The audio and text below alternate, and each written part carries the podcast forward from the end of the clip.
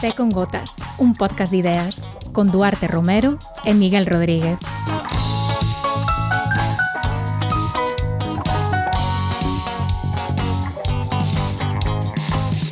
Oi, Miguel, estou pensando en aprender portugués, bueno, ou a matricularme en algún curso, ou empezar a aprender portugués así en serio. Eu sei que ti xa pasaches por isto hai, hai uns anos. E como fixeches ou que recomendas? A ver, pois eu, cando comecei, o primeiro que fixen foi un curso online que organizara a GAL que se chamaba Falarmos Brasil e era un curso online de portugués brasileiro e a verdade é que foi a miña primeira toma de contacto máis ou menos académica co portugués e co aprendizaxe do, do portugués, porque a verdade é que durante a universidade pois nunca tiven nunca tiven ocasión de aprendelo mm. e é máis eh, lembro que todos aqueles movimentos ou persoas que eh, reclamaban non? O reintegracionismo ou que falaban de que o galego e o portugués eran a mesma lingua e escribían así con outra con outra ortografía eh, parecíame un pouco marcianos, sen faltar o respeto a, a ninguén. Pero é certo que este curso online, pois, bueno, foi un pouco que me iniciou, E a verdade é que, é que fora moi ben, e fora unha sorpresa porque de repente pois dábame conta de que podía ler, podía escoitar a xente de portugués do Brasil, co exótico que iso me, me parecía al Ópolo 2013, e, e entendelos. E despois, a raíz diso, pois xa me animei, fixen un outro curso da AGAL, xa presencial, en Porto, que eran os, cur, os cursos a Porto, E xa despois, pois decidín que tiña que aprender portugués, sacar o título oficial e fun durante uns meses, seis, oito meses a unha academia privada e xa pois saquei o, un título oficial de, de, portugués. Así que bueno, foi así moi os poucos. De nivel bastante alto, non? O título, ademais. Sí, o C2. O C2, eh. A pesar de que agora, pois, sobre todo en temas de gramática, xa non me lembro nin da mitade e estou seguro de que se teño que escribir unha mm. carta máis ou menos formal ou un correo, tería 50 erros máis do que tiña hai oito anos, pero bueno, sí, eh, mm. daquela serviume para sacar o CD. O Daquela época non chegaras a escribir incluso algunha reportaxe para o público portugués? Efectivamente, sí. É certo que eh, con unha corrección da que tiven axuda de xente nativa, pero uh -huh. sí. Eh, daquela eu creo que de feito escribiría unha reportaxe así bastante mellor do que do que agora, pero pero sí. Abre a, abriume portas, é certo que, que me abriu portas daquela. Eu que unha das cousas que estou nas que estou pensando en facer é matricularme na Escola Oficial de Idiomas, pero tamén me dá como un pouquiño de, non sei, de pau, porque claro, a Escola Oficial de Idiomas tal como está estruturado eh, como que comezas desde, desde un nivel moi básico. E claro, eu quero aprender portugués desde, desde o galego, non quero ir a unha aula a aprender, sabes, os números en portugués. Un, dois, tres... Mm, claro. Mm, necesito este... algo un pouco máis adaptado estes cursos da Gal que eu fixera precisamente, eh, o bo que tiñan era que estaban eh, adaptados a, a unha audiencia eh, galegofalante. Entón, claro, é moito máis doado. A un galego xa non lle tes que explicar que de máis O contraese como do. Claro.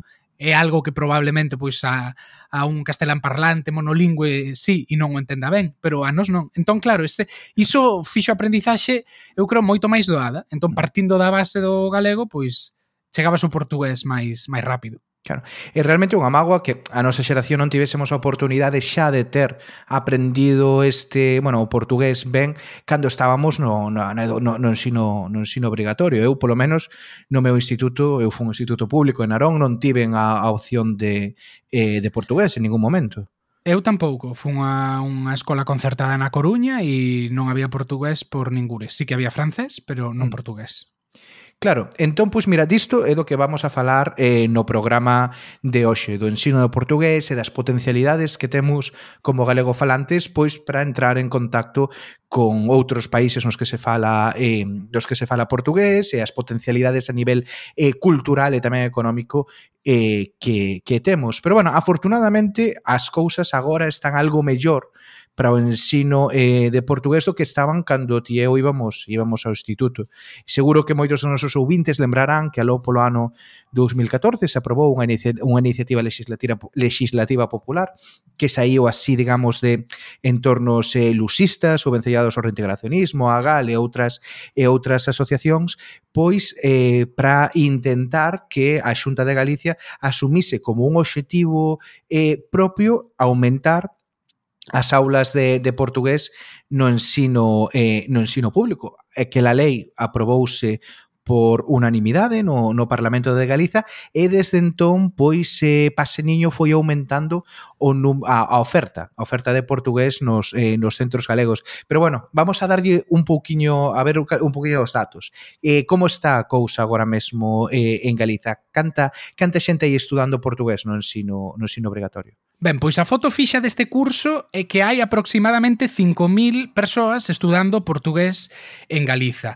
Eh, Perto de mm, 3.900 fanno na educación secundaria, nos 75 centros de educación secundaria onde se ofrece portugués, e algo máis de 1.000 nas escolas oficiais de idiomas, nas sete escolas das eh, grandes cidades e nos centros asociados de Tui e Vila García. E, como dicías antes, pois sí que é certo que a demanda de portugués e o número de alumnos de portugués en Galiza aumentou desde que se aprobou a iniciativa Valentín Paz Andrade e, bueno, neste, neste curso, en comparación co anterior, eh, subiu o número de estudantes un, prácticamente un 10%. Hai 482 alumnos máis que eh, no curso 2020-2021. Eh, para saber algo máis dos criterios que emprega a Consellería de Educación para asignar pois onde ha, debe haber docentes de portugués, que cursos, eh, que, que centros, perdón, ofrecen o portugués como eh, materia de estudo, falamos co secretario xeral de Política Lingüística, con Valentín García, e isto foi o que nos contou. Os estudos de portugués dependen en, en nunha gran medida na demanda que haxa de matrícula, como de calquera outra lingua estranxeira ou calquera outra materia, do, de outras moitas materias que non sexan troncais, non? E, e polo tanto, nós o que facemos é, desde o momento que detectamos unha eh, a posibilidade dentro do centro de ofertar ese ensino do portugués e que responda, como digo, a unha demanda por parte do, do alumnado ou outras veces por, a demanda por parte do propio centro, da comunidade educativa no seu conxunto, o que facemos é procurar dotalo do, do persoal docente necesario, que a veces se fai con un profesor de portugués, eh, especialista en portugués, ou profesores de outras materias que teñen como afín o portugués. Eh, están facendo moito, por exemplo, os profesores de galego, que de feito teñen o, o mérito, ese hai que recoñecelo, de ser os que comezaron co ensino do portugués en, nos nosos centros de secundaria.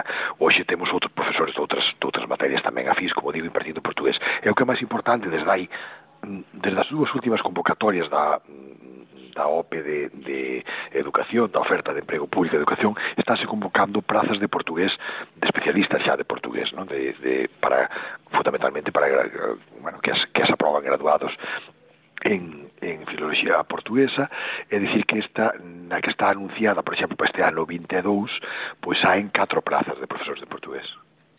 Dicíamos antes que 75 centros de educación secundaria ofrecen portugués agora mesmo, pero canto representa iso en comparación co total de centros de secundaria? Bueno, pois pues algo menos dun 10%.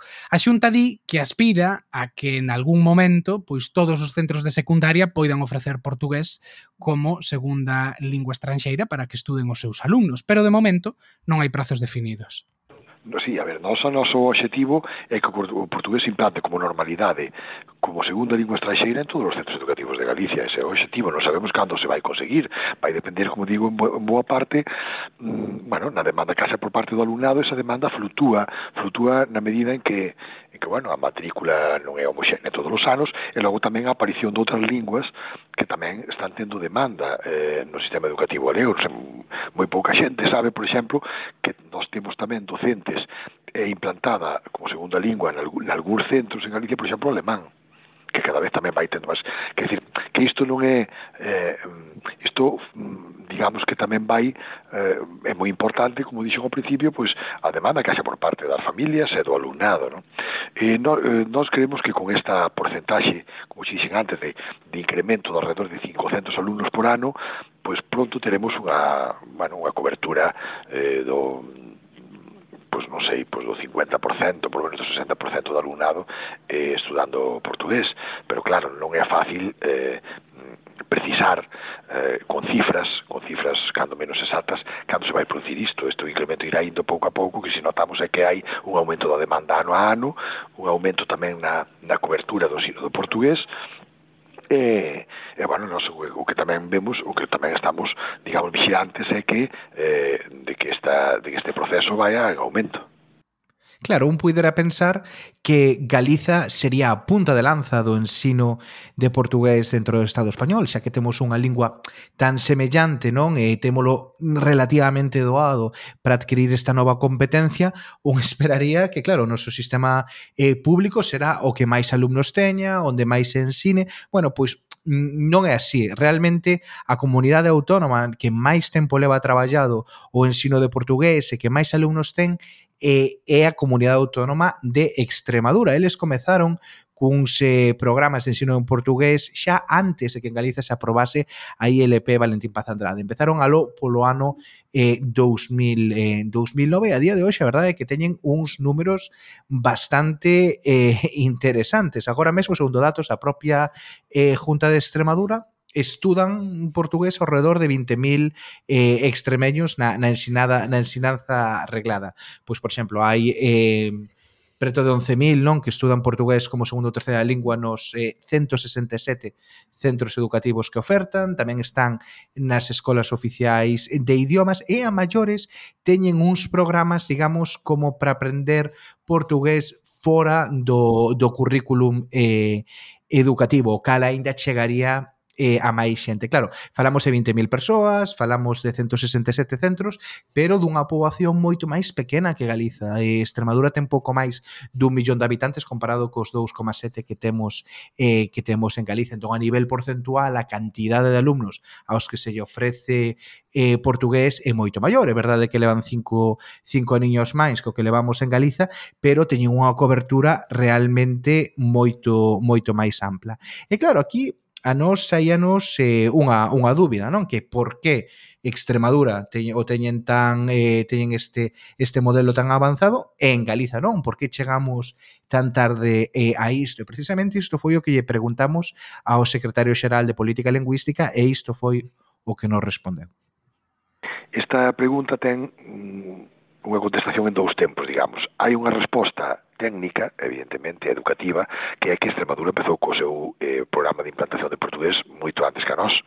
entonces levan desenvolto programas de coñecemento do portugués, claro, porque por a relación intensa que ten esta comunidade autónoma con Portugal, porque comunidades limítrofes con Portugal somos varias, tamén está Castela e León, tamén está Andalucía, e non teñen estes programas de crecemento portugués. Extremadura faino porque a súa relación sempre foi moi intensa con Portugal, incluso sabes que hai territorios extremeños, como é o caso de Olivenza, non? onde se fala portugués, e, e a segunda é sociolingüística, é dicir, a, a poboación en Extremadura ten a conciencia de que se non estuda portugués non o entende, ni non entenden a él, é dicir, porque, porque son monolingües en castelán.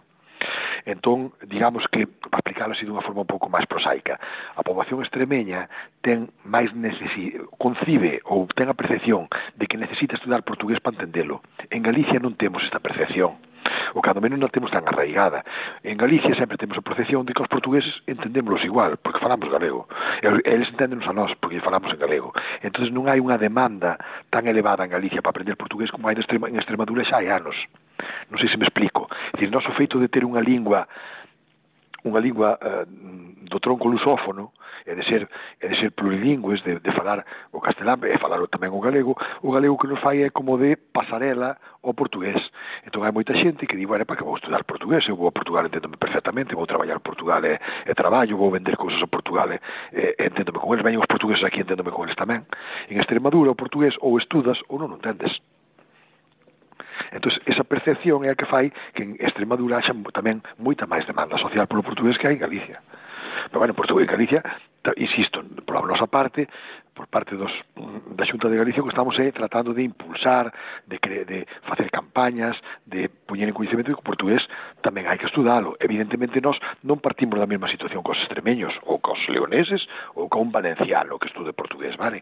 Nós temos, nos, o noso plan de estudo portugués é moito máis, digamos, moito máis eh, avanzado, porque nós non partimos dunha situa da mesma situación con o extremeño. Eh, entón, temos esa gran vantaxe que é o que nos dá o, o, o galego, non? a, eh, bueno, a, a saída cara a lusofonía e intercompresión coa lusofonía pero iso tamén fai que non haxa tanta demanda de aprender o, o portugués digamos dunha forma regrada e dunha forma no ámbito docente como, como teñen os extremeños Por exemplo, un dato que eu dou moitas veces para ilustrar isto. A maior demanda de, portugués, de sido de portugués agora mesmo eh, en todo Galicia é na cidade da Coruña non é nas zonas limítrofes, non é en Vigo, non é en Tui, non é, é na Coruña, unha das cidades, como todo mundo sabe, onde eh, bueno, o galego non ten as súas máis altas cotas de falantes, precisamente.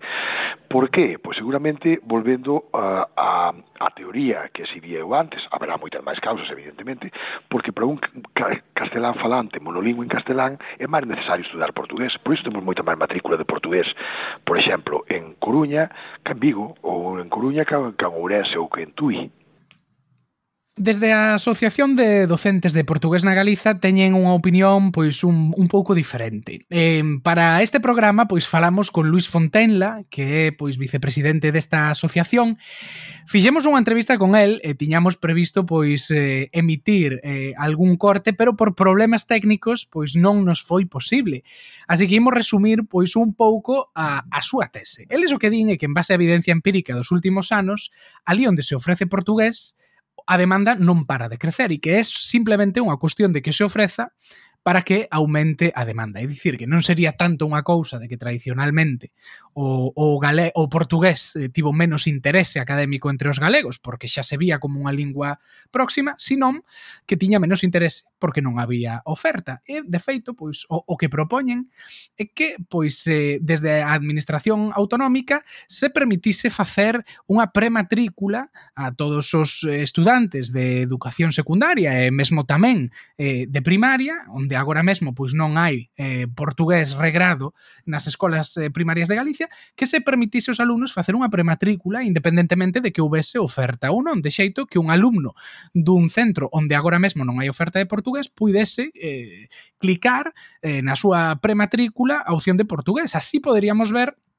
onde hai realmente eh, demanda e en función diso, pois a administración podería calibrar mellor cal é a, a demanda real ou a necesidade real de eh, persoal docente para ensinar portugués. Pero claro, xa levamos aquí un anaco falando eh, da importancia de aprender portugués e do fácil que o temos os galegofalantes pois para dominar esta lingua con relativamente pouco pouco esforzo, pero para que? cales son as vantaxes non de, de aprender portugués? Pois, obviamente, hai moitas, non? Pero eu creo que hai unha que quizáis eh, non se comenta demasiado, polo menos, digamos, no, no mainstream ou na, na opinión pública habitual ou máis... Eh, máis maioritaria, que é o enorme potencial económico que temos eh, por, eh, por saber portugués, que temos os profesionais galegos, pero que tamén teñen as empresas a hora de entrar en contacto pois con outros mercados, con Portugal, con Brasil, Angola, Mozambique, todos os países eh, da, da lusofonía.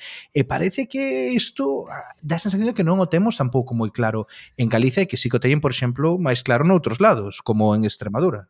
Claro, iso che a decir, en Extremadura non só apostan polo portugués no ensino secundario, nas escolas oficiais, nin na primaria, sino que tamén apostan por formar en portugués os seus empresarios. De feito, pois desde a Junta de Extremadura fixéronse nos últimos anos varios programas de, de formación en lingua portuguesa para empresarios extremeños, bueno, pois sabedores de que hai moita relación comercial entre ambos países, entre a Extremadura española e a Extremadura portuguesa, que os empresarios extremeños pois tamén dependen moito de importacións e exportacións exportacións a partir dos portos do sur de Portugal e bueno, pois iso eh, fai que o coñecemento da lingua poida supoñer pois unha eh, vantaxe competitiva con respecto a outros empresarios. Claro, eh, precisamente para falar non destas vantaxes competitivas que poderíamos ter eh, se fixésemos unha aposta máis estratégica eh, polo portugués, pois queríamos falar con alguén ou algún representante da empresa galega que vise na súa propia carne este este enorme potencial. Bueno, pois para isto falamos eh, con Enrique Sáez, que foi director xeral do Banco Pastor até o ano eh, 2003 e actualmente presidente da Fundación Juana de Vega e tamén preside a empresa familiar Torres e Sáez que é bueno, unha distribuidor de, de material de ferretería bastante importante en, en Galiza. É moi interesante porque, claro, é unha persoa con moita cunha trayectoria moi dilatada no mundo da dirección de empresas e, concretamente, cando estivo no Banco Pastor, foi responsable da expansión do, da, dos negocios deste banco en, en Portugal. Entón, foi aí onde el descubriu eh, o potencial do portugués e así foi eh, como nos contou a súa experiencia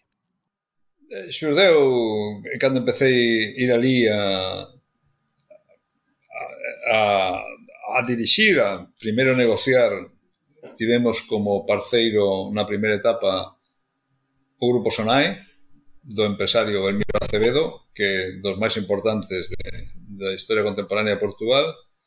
Entón, dime conta de que saíame falar galego, xa digo, aprender a galego, eu sempre tiven ideas galeguistas, desde que volvín traballar aquí despois de estudiar fora, eh, colaborei con partidos eh, durante a transición, eh, procurei ler e falar coa xente que falaba galego eh, e fun desenvolvendo unha capacidade de falar no? e logo de escribir. En Portugal axudoume moito, pois sí, eh, eh, insisto sempre no mesmo, falar o idioma do outro abre moitas portas xa todos poden falar en inglés, pero falar o idioma do outro eh, é fundamental tanto no plano comercial, se si vas vender algo, como tamén para crear equipos, para motivar, para saber o que a xente pensa. A xente fala con máis naturalidade na súa propia lingua. Non? Eh, e eu empecé a falar galego, fun collendo o sotaque deles, e ao pouco tempo eles pensaban que falaba portugués, mas non, ah, falaba galego con sotaque portugués. Vale hai que falar linguas próximas, a veces se dixe, exixe un pouco, pois eso, ter un pouco de valor e un pouco de ouvido tamén. Con esos elementos, co galego, manexaste moi ben en canto estivas ali traballando. Eu iba todos os meses durante 12 anos. Eh? O sea, iba, non é que fora, iba un par de días. Pero o equipo era eran directivos portugueses, o director xeral era tamén portugués, e eu falaba con eles naturalmente. Eles non facían ningún esforzo especial para que eu entendera, falaban con naturalidade. Eh, e a miña experiencia persoal, e xa digo, co, co, cabagaxe de, de, de ser educado en castelán e de chegar ao galego, sempre digo que aprendín o galego despois do inglés, cosa que non son unha persoa moi normal. Pero fíxome axudarme a falar galego mellor porque eles, os idiomas, son palabras. Hai diferencias, pois, obvias, pois, unha oficina e un escritorio. Un baixo comercial e unha loxa. Como digo eu, tamén en Bilbao chamanlle lonjas. O sea que é cuestión de irte adaptando, non? Eh, hai palabras con dobles significados, falsos amigos. Este é normal en calque, cando falas algúns idiomas sabes que esas cousas pasan, non? Pero os idiomas son tamén estructuras. Esa parte é moi importante. E son case unha maneira de pensar, ou de ver a realidade, ou de describila, ou de comunicala. Entón, nós conxugamos os verbos de determinada maneira, podemos conxugar infinitivos, non temos tempos compostos, colocamos os pronomes onde os colocamos, eles fanno moi ben. E na medida en que eu adaptábame a como falaban eles, mellorei moitísimo o galego. Mellorei sobre todo a estructura. O de, que, porque o, eh, moita da xente que, que fala galego, pois, vendo castelán, e ainda que empregue palabras galegas, construe as oracións en español. É normal. Pois alín, a parte de estrutura, eh, aprendí na... Veme moi ben, mellorei moitísimo o galego a base de practicalo nun sitio que a lingua habitual dos negocios. E falei con todo, eh, con abogados, discutín todo tipo de temas, con clientes, con empregados, con, con todo tipo de persoas. Fixen hasta unha rolda, fixe hasta unha rolda de prensa en, en Évora, presentando un cartón que lle fixemos a Cafés Delta, o líder do café en Portugal. O sea que, de todo. En galego. Quero decir, eles pensaban que falaba portugués, sí.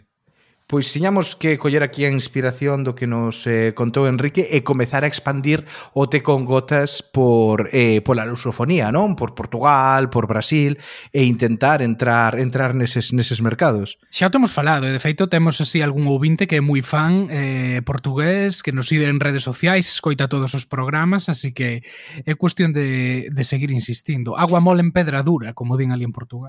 pois agora temos que comezar a, a, a mudar un pouco nos noso, o noso sotaque para pedir os cartos no, no Patreon, non? Entón comezar a dicir así, es no, no patreon.com bueno, non bueno, sei. Xa, xa, temo, xa temos os robots que xa nos traducen os, os nosos entrevistados angloparlantes eh, e con sotaque brasileiro e con sotaque portugués, así que bueno, é eso cuestión de poñer a traballar máis a inteligencia artificial aquí no te congotas. Sí, sí, pois pues para meterlles así estas estas cuñas que metemos como cal, como que estamos metendo agora para recordarvos a todos vos que eh, Eh, temos un Patreon, patreon.com barra con gotas, e mm, no cal, bueno, vos podedes suscribir e pagar unha cota unha cota mensual pois para axudar a manter este programa e a cambio diso, pois ides ter acceso prioritario aos nosos eh, tesengotas, que son digamos este programa, este programiña extra, non? Que que sacamos pois cada cada tres semanas e teríades acceso a el pois, unha semana antes que, que todos os demais e tamén eh, podedes, depende da cantidade que paguedes,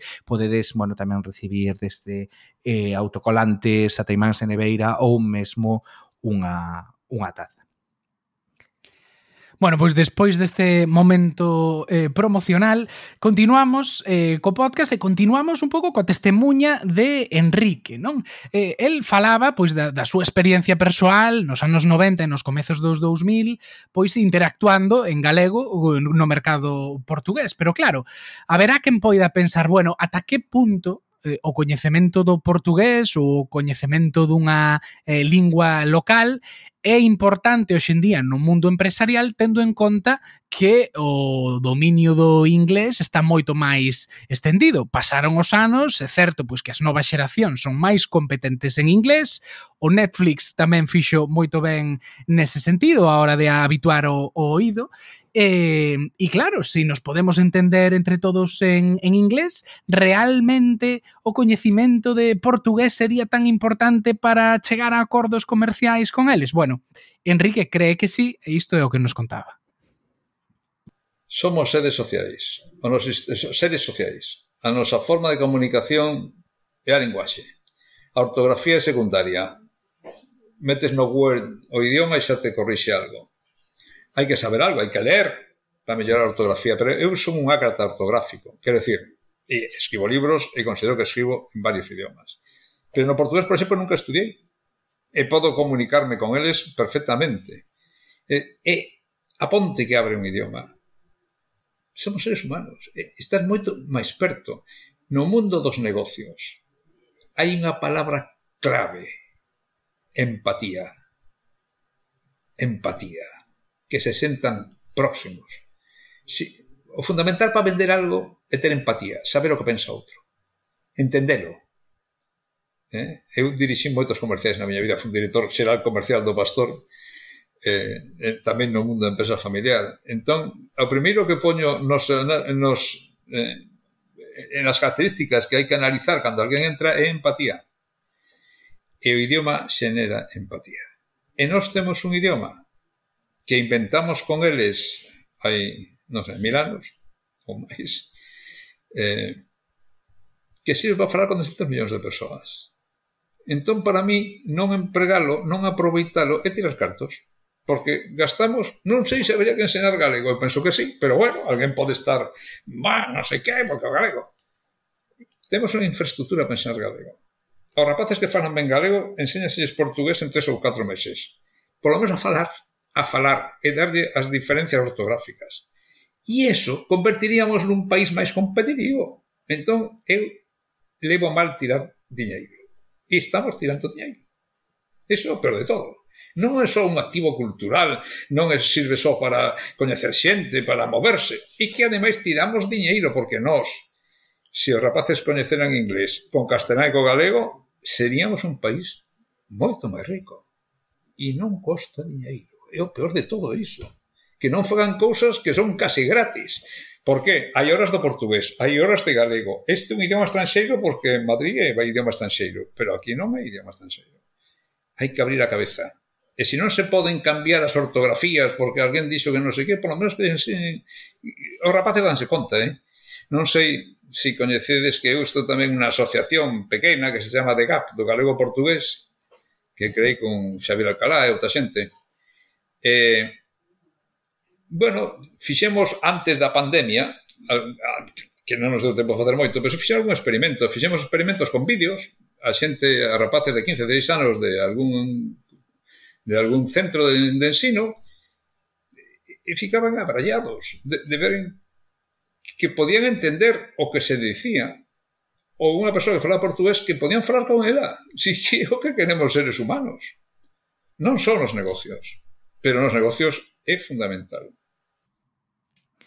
Bueno, pois con esta reflexión de Enrique un pouco imos pechar o programa, pero bueno, tamén queríamos antes de, de poñerlle o punto e final, pois facer unha pequena reflexión sobre como como vemos nos o, bueno, a cuestión do portugués, pois tamén por virmos dunha xeración que non tivemos, como dicíamos ao principio, non, que non tivemos a oportunidade de, de aprender de aprender o, o portugués e tamén como persoas que pola nosa, bueno, opción profesional, pois ahora mesmo estamos traballando pois con xente de, de moitos países. Entón, sí que eu polo menos vexolle que aquí temos moitísima moitísimo potencial, pero dame mágoa que Galiza realmente non sexa moito máis vanguarda na, na aprendizaxe do, do portugués. É verdade, sí, que ter 5.000 alumnos, pois está moi ben, pero bueno, con todo van xa preto de oito anos, non? Desde que se aprobou a, a iniciativa eh, Paz en Andrade, eso se dá en 75 centros, quizáis habería que acelerar un pouquiño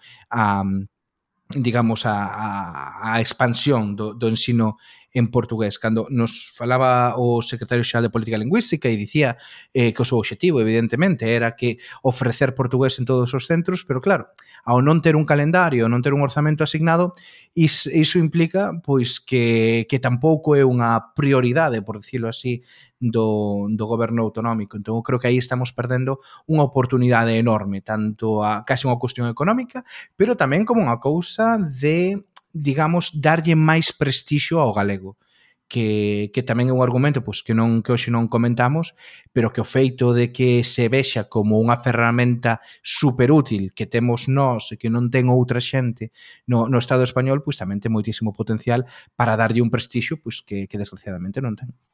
Claro, e eu creo que tamén é importante reflexionar sobre eh, a necesidade de termos en Galiza eh, contidos adaptados mm. e aprender portugués adaptándonos á realidade da que partimos, que é a realidade do galego que xa fai per se eh, do portugués unha lingua moito máis transparente. Entón, pois, se cadra non ten sentido na escola eh, ter seis, oito anos de aprendizaxe de portugués, igual que temos de inglés e, e de francés, porque en moito menos tempo xa seríamos quen de ter un dominio do portugués o suficientemente bo. A mí unha das cousas que me chocou cando, cando comecei a, a aprender portugués un pouco pola miña conta era a falta de, de contidos eh, que había para, pois iso, aprender portugués desde o galego. Había moitos libros libros para aprender portugués para español falantes, pero poucos desde o galego. Aquí eh, fa, e vou facer aquí unha especie de apuntamento hmm. lusófono e exercer da, da Esther esta vez do, do Te con Gotas houve dous libros de a través editora que é a, bueno, pois a, a editorial da, vinculada a GAL un que se chamaba eh, Doeñe para o NH e outro que se chamaba 101 falares con xeito que a verdade que me resultaron moi útiles e foron pois do, do pouco material que, que realmente puiden atopar e que realmente ensinaba portugués partindo da, da base do galego. Entón, bueno, pois eu sí que creo que de cara a pensar estratégicamente nun xeito de difundir e ensinar o portugués entre a nosa xente máis nova, pois habería tamén que, que pensar en facelo partindo desa base e da realidade do, do galego. Pois eh, con esta reflexión eh, quedamos, eh, como sempre, podedes vos suscribir a este podcast desde calquera plataforma na que escoitedes eh, os vosos podcast e a semana que ven volveremos eh, a estar aquí falando deste mesmo tema no, no Tes en Gotas, pero a semana que ven será exclusivo para Patreon. Se o queredes escoitar en aberto, teredes que agardar unha semaninha máis. E, como sempre, bueno, podedes nos atopar nas redes sociais, en Twitter, en Instagram e máis eh, en Facebook e todas as semanas tamén temos eh, un newsletter, o Sacarina, que é o que vos podedes suscribir tamén desde a nosa página web tecongotas.com.